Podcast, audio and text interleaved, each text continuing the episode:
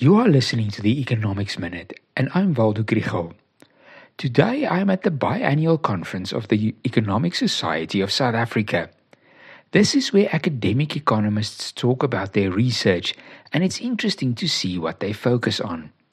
This episode is supported by Economic Research Southern Africa and the NWU Business School. So, what do economists do to better understand the working of the economy paper by paper. We cannot do experiments, and there's not much to gain in terms of measurement methods. There is no microscope or telescope for economics. Economists try to explain relationships with models or unique data sets. For example, the relationship between interest rates and the exchange rate can be investigated by new statistical methods.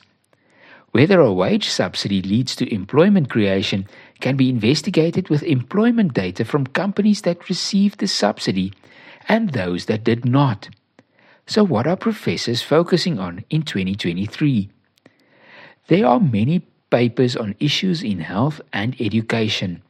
The impact of the COVID pandemic is an important focus, and from a policy point of view, the idea of national health insurance.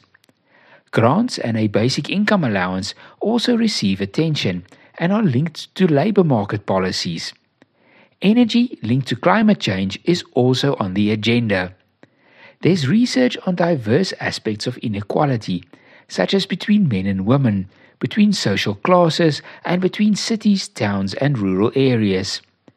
There are also sessions on the use of tax data for research, and one on corruption, and another on Africa. And then there are a lot of macro and finance papers. Artificial intelligence also gets a mention.